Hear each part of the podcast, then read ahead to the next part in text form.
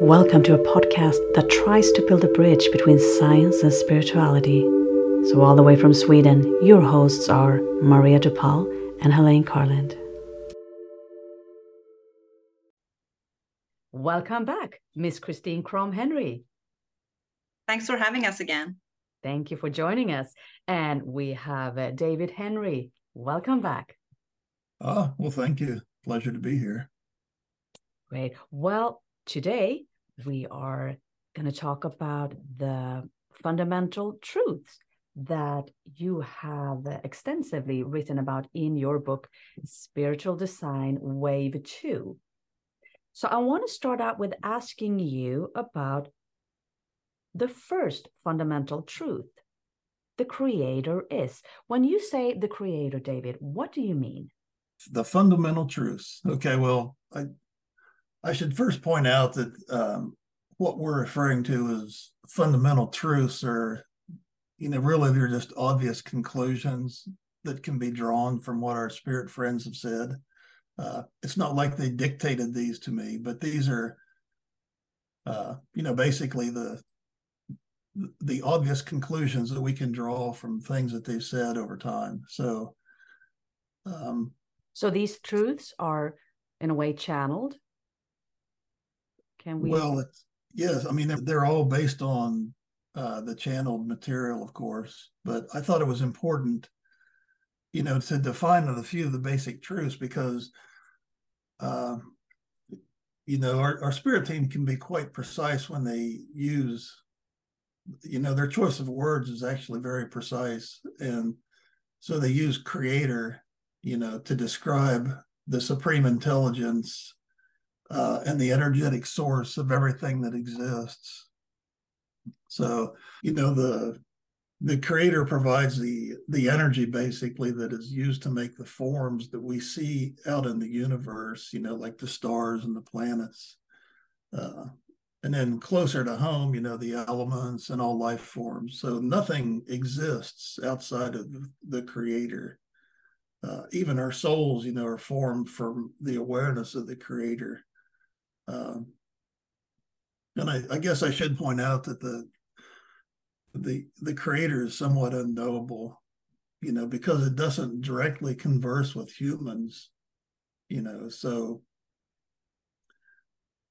I, and the only reason I point that out is, you know, because a lot of holy books will, you know, they'll say in there, you know, God said this or God spoke, and you know, almost right out of the gate, I think you, mm. you can discredit that as being an accurate observation.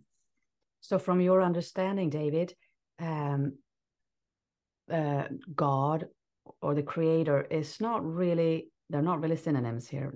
They're not the same in your understanding. Do I understand you correctly?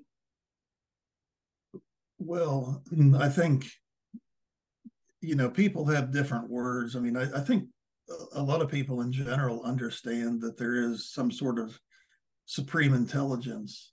Uh, you know, we deliberately don't use the word God or Allah or anything like that because it's um, it has so many man-made assumptions and associations that aren't really accurate with what you know what we've come to understand based on the the talks that our spiritual advisors have, have given us uh, about the nature of the creator and how you know the creator interacts with its creations you know traditional mythology, you know, the creators identified as a male. It's like a it a lot of times it's not in the pagan communities, but like in the Abrahamic religions, it's uh it's presented as a male figure that's very judgmental and and most of the times, you know, sort of violent and unpredictable.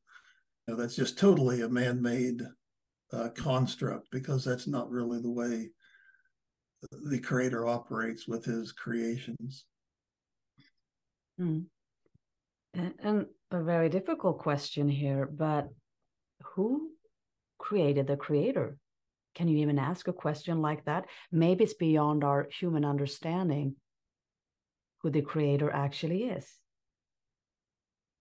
Well, I think that's absolutely true. I mean, it's, I would have to say that it, at the beginning, it was pure awareness or pure consciousness, but or the the spiritual entities that we communicate with have never had none of them have ever claimed to have a direct communication with the creator. You know we we can only observe the manifestations uh, of what goes on around us but we don't really have any way of knowing what that is.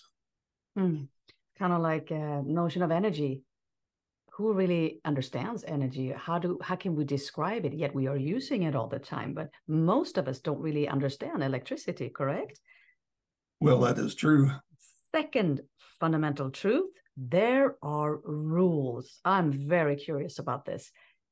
Rules about what? Well i think you know people that are if, if you look at karma for example i mean you know people sort of understand the general notion of karma you know, at least in the the Eastern traditions, you know, like Buddhism and Hinduism. The concept of karma would be like a rules based sort of existence where you know if you if you bludgeon someone with a hammer you're going to get bludgeoned with a hammer yourself. And that's that's not really the way it works but you know the the spirits operate you know within a defined you know set of understandings about how they should interact with other spiritual beings. You know in, in the spiritual dimension there's always compassion and understanding and you know spirits really try to help one another out. So there's never any you know ill intent or misleading or anything like that that goes on in the spiritual world. Interesting that you say that. Lately um i heard that from people who claim they know at least that we kind of misunderstand many times the notion of karma because we are so focused on that you know you did something bad you're going to receive something negative. But that karma actually works in a more in a more complicated way if you may. So so i think that people are we're kind of stuck on the notion of karma. Most people understand karma in our society but yeah maybe we forget about the compassionate beings also that or ourselves that are orchestrating our reality. I don't know. You know karma is karma really is, is an understanding about you know when you're like if you're incarnated in a in a body on earth karma would represent basically a reconnection with your soul's awareness of how you should behave in a situation. You know, that a lot of negative behavior is based on ignorance, and the ignorance is of the spiritual, the spiritual rules that that exist.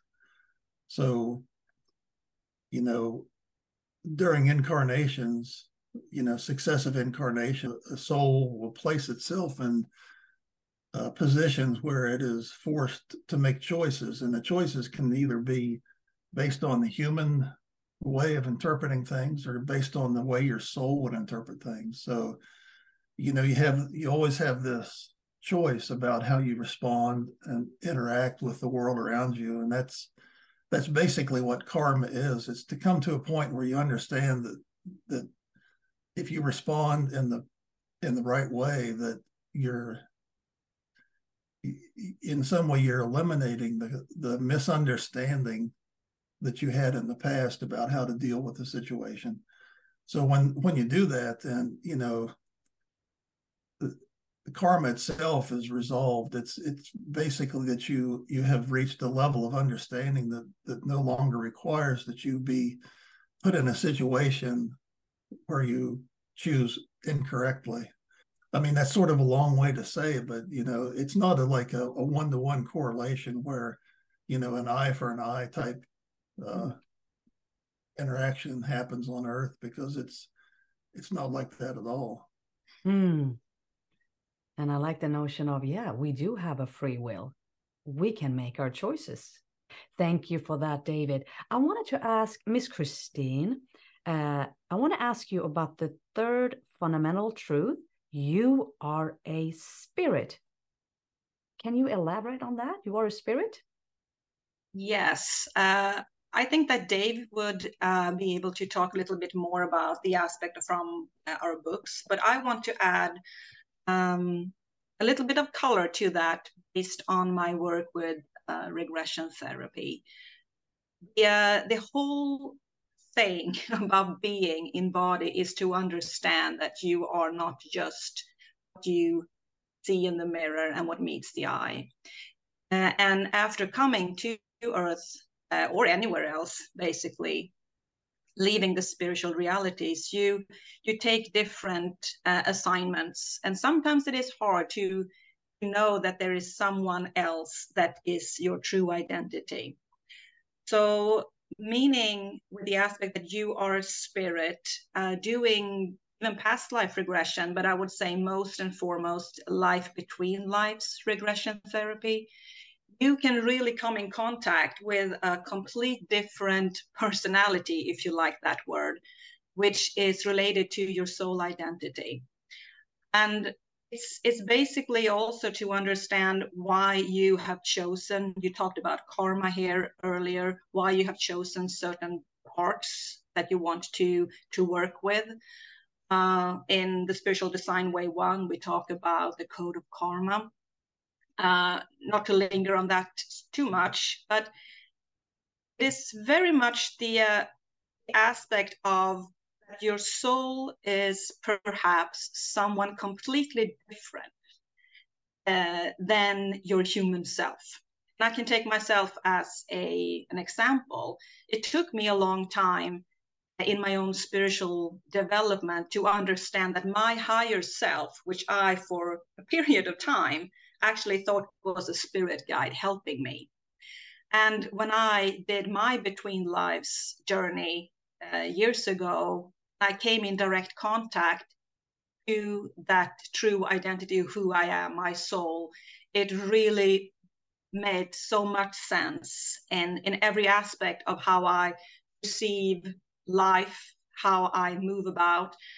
And, and also, you know, uh, the soul is androgynous, of course, but we can radiate uh, male or female principles, which can also sometimes be a little bit, uh, if we take it to that level, you know, let's say that your soul is more male, let's say in its persona, moving into a human body is really to accelerate your your journey uh, and to elevate that human experience and soul uh, education. So, you know, just leaving that window wide open. But yeah, I would say that working with between lives regression is, is a way for people to understand difference between who you are as a human versus the soul. And sometimes those two are completely aligned. There is no difference between them. But I've also seen so many cases where people feel like, okay, I now see I react as the human, but now I'm reacting or feeling like the soul. So they can really distinct the two different aspects of who they are. Right. Okay? I can, um, um, uh, when it comes to past life regression, to me, it also gave so many answers, not only about me, but about the relationships that I had, my my children, my family. Why am I the way I am? Or why do I do certain things or why do I think I know how to do certain things? I was a martial arts expert in a past life. Believe mm. it or not, I have I am so not graceful. I uh, my cardio will be terrible probably for my whole life no matter how much I practice, right? But I had this idea that I know how to fight. No, I don't. Uh, I even signed up for a martial arts class. I I mean, they gave me a yellow belt because they felt sorry for me. I have absolutely no skill. But in my mind, I know how to do it. I am like the Kung Fu master, Shaolin. You know, I really, I went to China and I really had the idea that I wanted to go and visit the Shaolin temple and I wanted to stay there. I mean, really, it's nuts. I can't even walk uh, four miles. You know what I'm saying? I, I can't even, I walk to my car. That's all I can handle.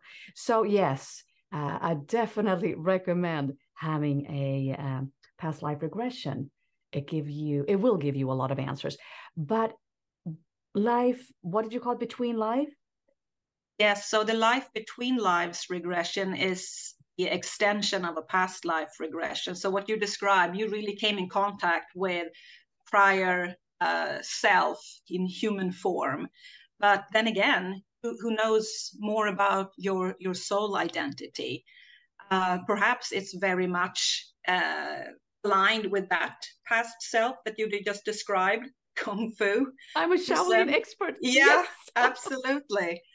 Uh, but uh, perhaps this this life you mm. are currently on, maybe maybe your soul and human personality is very much the same. Um, so so yes, uh, the, so the life between lives just really takes you through that gate where past life regression ends, where you get in contact with your spiritual home. Uh, where is your home base that I normally call it, meaning your spirit, the spiritual dimension that you belong to. Um, and when I say belong to is basically, you know, we all have a home base. We're going to talk more about the spiritual dimensions uh, further along here. But uh, that doesn't mean that we're locked there. You know, we have a home, but we can also move to other dimensions to learn, uh, to create relationships with other spirits and so forth. And that is really explained a lot also in our books. Yes, that, that is basically uh, a wonderful experience to understand more about who you really are, soul. Uh, and then it becomes so much more clear to you that um, whatever exists and what you experience is is a play, human play that you interact in. Great. Yeah. Good. Interesting. Uh, David, do you want to add something on the third fundamental truth? You are a spirit. Anything you would like to add? I think there's anything I could add to that. I mean, that was a really yeah. good explanation. It was so, actually. You know, I think, mm-hmm. you know, just the awareness that, you know, when you die, your consciousness and what you consider to be yourself, you know, will go somewhere else and it'll return, you know, back to the spirit world that you're that that you're always a part of. You know, the life on earth is a temporary existence and you know, the the soul itself is is just here on a short visit. So you know, knowing that that's the uh, the reality that you'll face, then I think that should give people some drive and motivation, you know, to live the best way that they can. Yeah, because it gives a lot of comfort, I believe, to the human soul that if we understand that this is not it, we're not just a meat suit walking around. Uh, we're gonna, I mean, we exist, and anything that exists cannot be destroyed. We're gonna continue and continue forever and forever. no, but it gives a lot of to me at least. Um, I don't have, well, I don't want to die. I don't have, I mean, obviously you want to live as long as you can, but knowing that life will continue after this life, at least to me, gives a lot of comfort. Yeah, as it should. Yes, it should. David, uh, the fourth fundamental truth. Now, you see, I probably read this chapter a hundred times because I'm very interested in these dimensions. Uh, and I believe a lot of our our audience may want to understand. I know you briefly talked about it before, but uh, well, let's start with the fourth fundamental truth a spiritual design exists. Oh, what do we mean with that, David? A tremendous amount of the the time that uh, Christine has been in trance has been dedicated by the spirits to describing the reality that exists, uh, you know, both around us and in in the universe, and then beyond that, in the spiritual dimensions, which are actually separate. Um, you know, the we we do explain it, you know, over the course of several chapters in our books because it's it's you know it's fairly elaborate, but um, in you know everything that exists begins with an intent. You know, nothing exists that that's sort of random or chaotic. And I think that, you know, that's that's an important concept that is largely discredited or ignored by the scientific community that you know there's any sort of um, creative design behind everything that that exists out in the universe and including you know life on earth but what our spirit friends tell us is that everything exists because it was intended to exist and it was created for a specific purpose, even though we might not understand what that is. But you know, there's really a, a beauty and a harmony within the uh, the cosmos that that's underappreciated, I think, by a lot of people. Well, there seems to be a a hidden design. I mean, uh, the golden what's it called? The golden ratio. Yeah, the I mean, there are obviously mathematical precisions built into a lot of nature. I mean, there there's a hidden geometry, I think. Uh, yes. With within the very most fundamental parts of creation. I mean, even you get down to the, you know, the quarks and things like that. There, I mean, there's a a pattern and a design that that gives rise to everything that we see around us. Uh, you know, it's. I don't yeah. know if you want me to, to go into the you know the general description of what they talked about, but uh, you know the the wheel of, of creation and all that. Absolutely. But before we move on to the wheel of creation, uh, I wanted to ask you about the dimensions. Uh, what dimension are we on currently? Now, well, you and me, right here. Right here, we're existing within the uh, the reality of the third dimension. All right, and when we, uh, I'm not going to say die, I'm going to say when we pass, where do we go?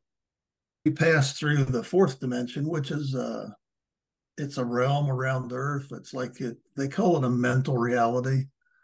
Uh, the fourth dimension is, you know, like when people have dreams or out of body experiences, or uh, when people connect with uh, spirit guides or do any sort of you know,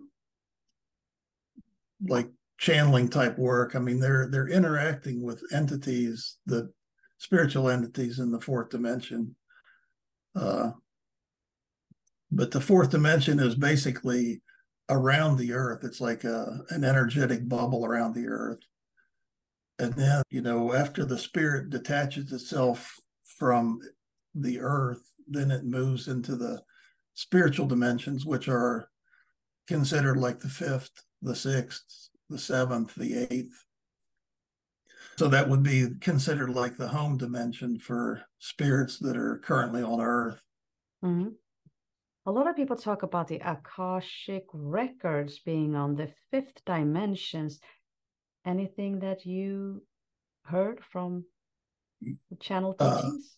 Uh, yeah, absolutely. They they talk about the libraries and the libraries are places where uh, information is stored. So there's certain parts of this vast library on the fifth where souls destined to Earth, uh, you know, any any Earth related life forms or you know lifetimes are recorded in what they would call the Akashic records. There are repositories of knowledge about everything that humans have done over their long cycles of incarnation.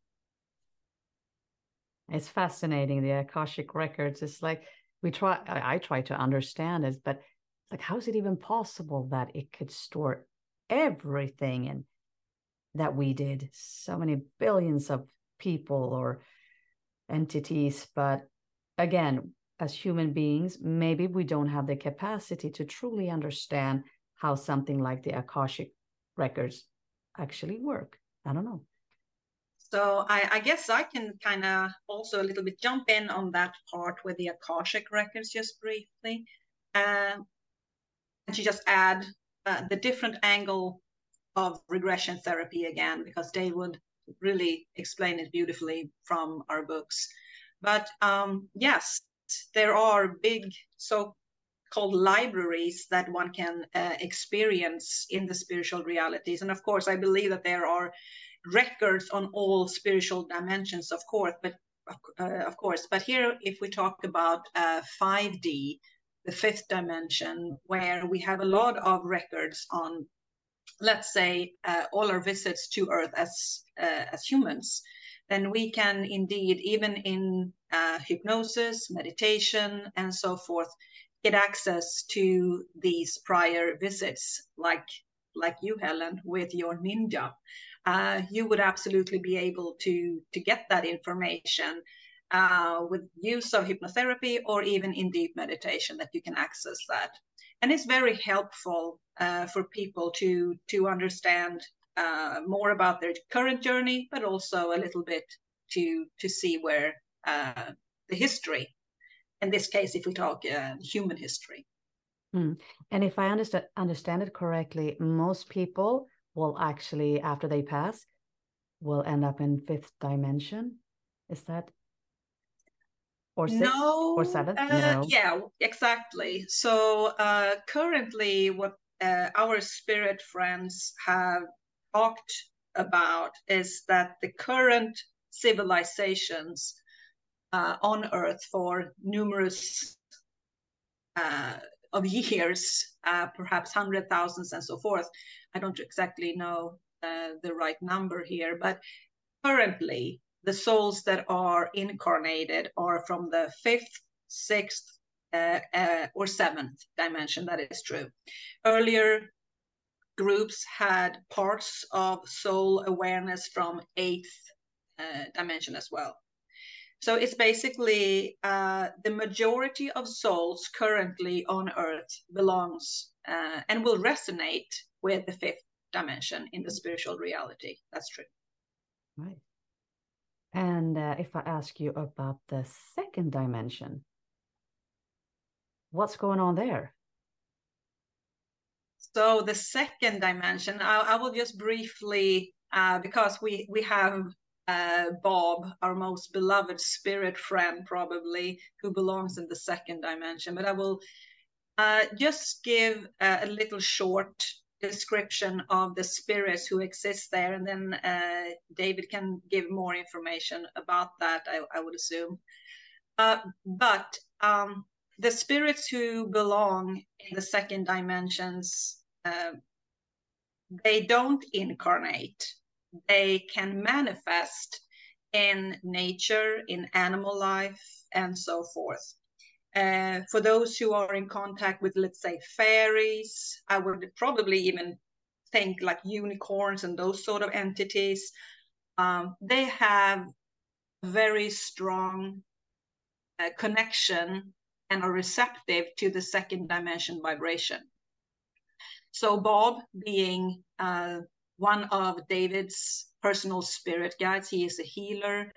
Uh, he takes the form uh, I wouldn't say that he looks human because he's he's not a human. Uh, David and I sometimes get into a little bit of a discussion about it because for me he's just you know like this wonderful hobbit, but Dave doesn't like me to call him that but but then again it just gives uh, somewhat of an idea how he is uh, showing himself and when we do seances uh, and channeled demonstrations uh, he is he is very visible uh, in my face and so forth.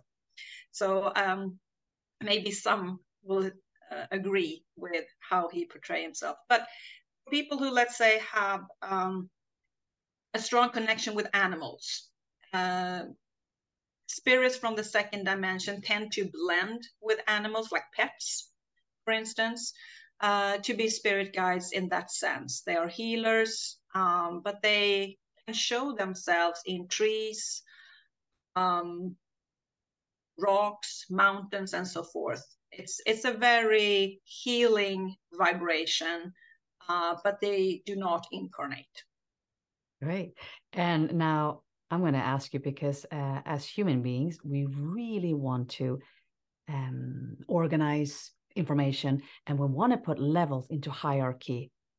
Yeah. So, uh, fifth dimension, is it somehow better or more worthy or higher, more spiritual than the second dimension? Absolutely not. They are very clear about the aspect of there is no hierarchy, there isn't a ladder. You go from the second and you move to the spiritual realities of the fifth and sixth and so forth. Uh, but you are so called born uh, from the creator uh, and pattern you belong in a certain certain spiritual uh, vibration so that means that let's say someone like bob who is his home base is the second dimension which is a spiritual reality but it's very tightly close to 3d uh, meaning that they are very close to nature animal life and so forth that i've just mentioned but as we can see in our books, Bob, Bob, is all over the place. He can travel and he can learn and he can interact on the libraries on, on the fifth dimension. He travels to the sixth dimensions and learn about how to organize uh, solar systems uh, and planets and learning more about form and uh, parallel realities. But he experienced a part on other realities outside of the second is open for travels. But when he goes home, uh, his home is the second dimension. Whereas, you know, a human uh, currently, home is on the five, six, or seventh dimension. Right. And what's happening? Mm-hmm. And uh, what's going on on the eighth dimension? Did your spirit guides tell you anything about that eighth dimension? Absolutely. I, I'll send that over to to David. What would you say about the eighth? Well, the uh, the eighth dimension is uh, basically the dimension that controls the elements. You know, like gravity, electromagnetism. If there needs to be a change to the Earth's atmosphere for some reason, then the the eighth dimension would be involved in in working with the other uh, councils to you know to set up a change in the atmosphere you know t- to go back to the second dimension you know because we you know we have so much information about what they do but you know the second dimension is actually the the ones that are responsible for modifying dna so you know when we talk about evolution uh, that ultimately is what we observe as changes that the second dimension has made to different life forms on Earth. I'm interested in the DNA. So they are responsible for DNA on Earth, the entities who are connected to the second dimension. Did I understand that correctly? If there's changes that are planned on being made to a life form, uh, you know, a lot of times it's the work is done in conjunction with a sixth or seventh or eighth dimension, but they all kind of come to an agreement on what they're going to do, and then they basically, the way Bob describes it is they put the information in a cloud, and the cloud is then sent down to the second, and it's basically their instruction manual for what they're supposed to do. So then they they manipulate the DNA based on the instruction manual, and then you know that's what we see as a change in the life form. We see that as a spiritual design also or evolution or however you want to frame that's interesting. I need to ask you also about do we know anything about the ninth dimension well the ninth seems to be you know there's still a lot of individual souls on the ninth that that we've communicated with um, it, it tends to be more of like a council work. So they sort of oversee, you know, they they help with the management, I guess, of of different activities that are going on on on the other dimensions. Interesting, yeah. And the tenth, do we have any information? It essentially is additional council work. I mean, as you go higher and higher, the councils become more and more like they're combinations of councils. Then they sort of merge into one mind. I think by the time you get up to like the 12th dimension, uh, it's it it operates like a single entity, but it's it was originally comprised of you know individuals. So we don't really know that much about the the higher dimensions, other than the twelfth is considered to be like the dimension of healing. So healing energy flows from the 12th dimension out through all of creation. Right. What about, uh, do you think, I'm thinking about uh, Jesus, for example, Jesus Christ. Could he have been from another dimension, like a higher dimension? A lot of people, I mean, he did a lot of miracles.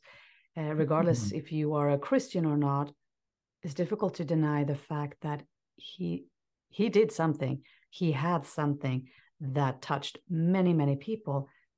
Could he have been from another dimension? Or is that how it works?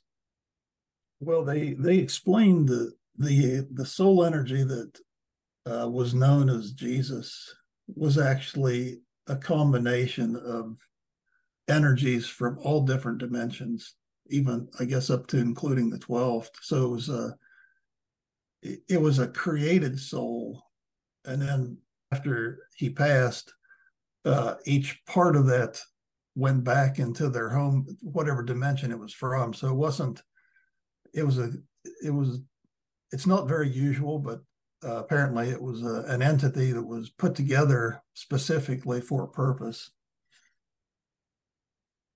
So, wow. Oh, so many interesting thoughts. Uh, I mean, your books are amazing. The channel teachings, it really touches your soul. And uh, I want to thank you for being with me today. And on the next episode, we will continue to talk about the sixth fundamental truth, as well as the seventh, eighth, and ninth. So don't miss it. Thank you for being with us, David. Oh, well, you're most welcome. It was my pleasure. Uh, Miss Christine, thank you. My pleasure. And I'll see you soon. See you soon. Bye. Bye. Bye bye.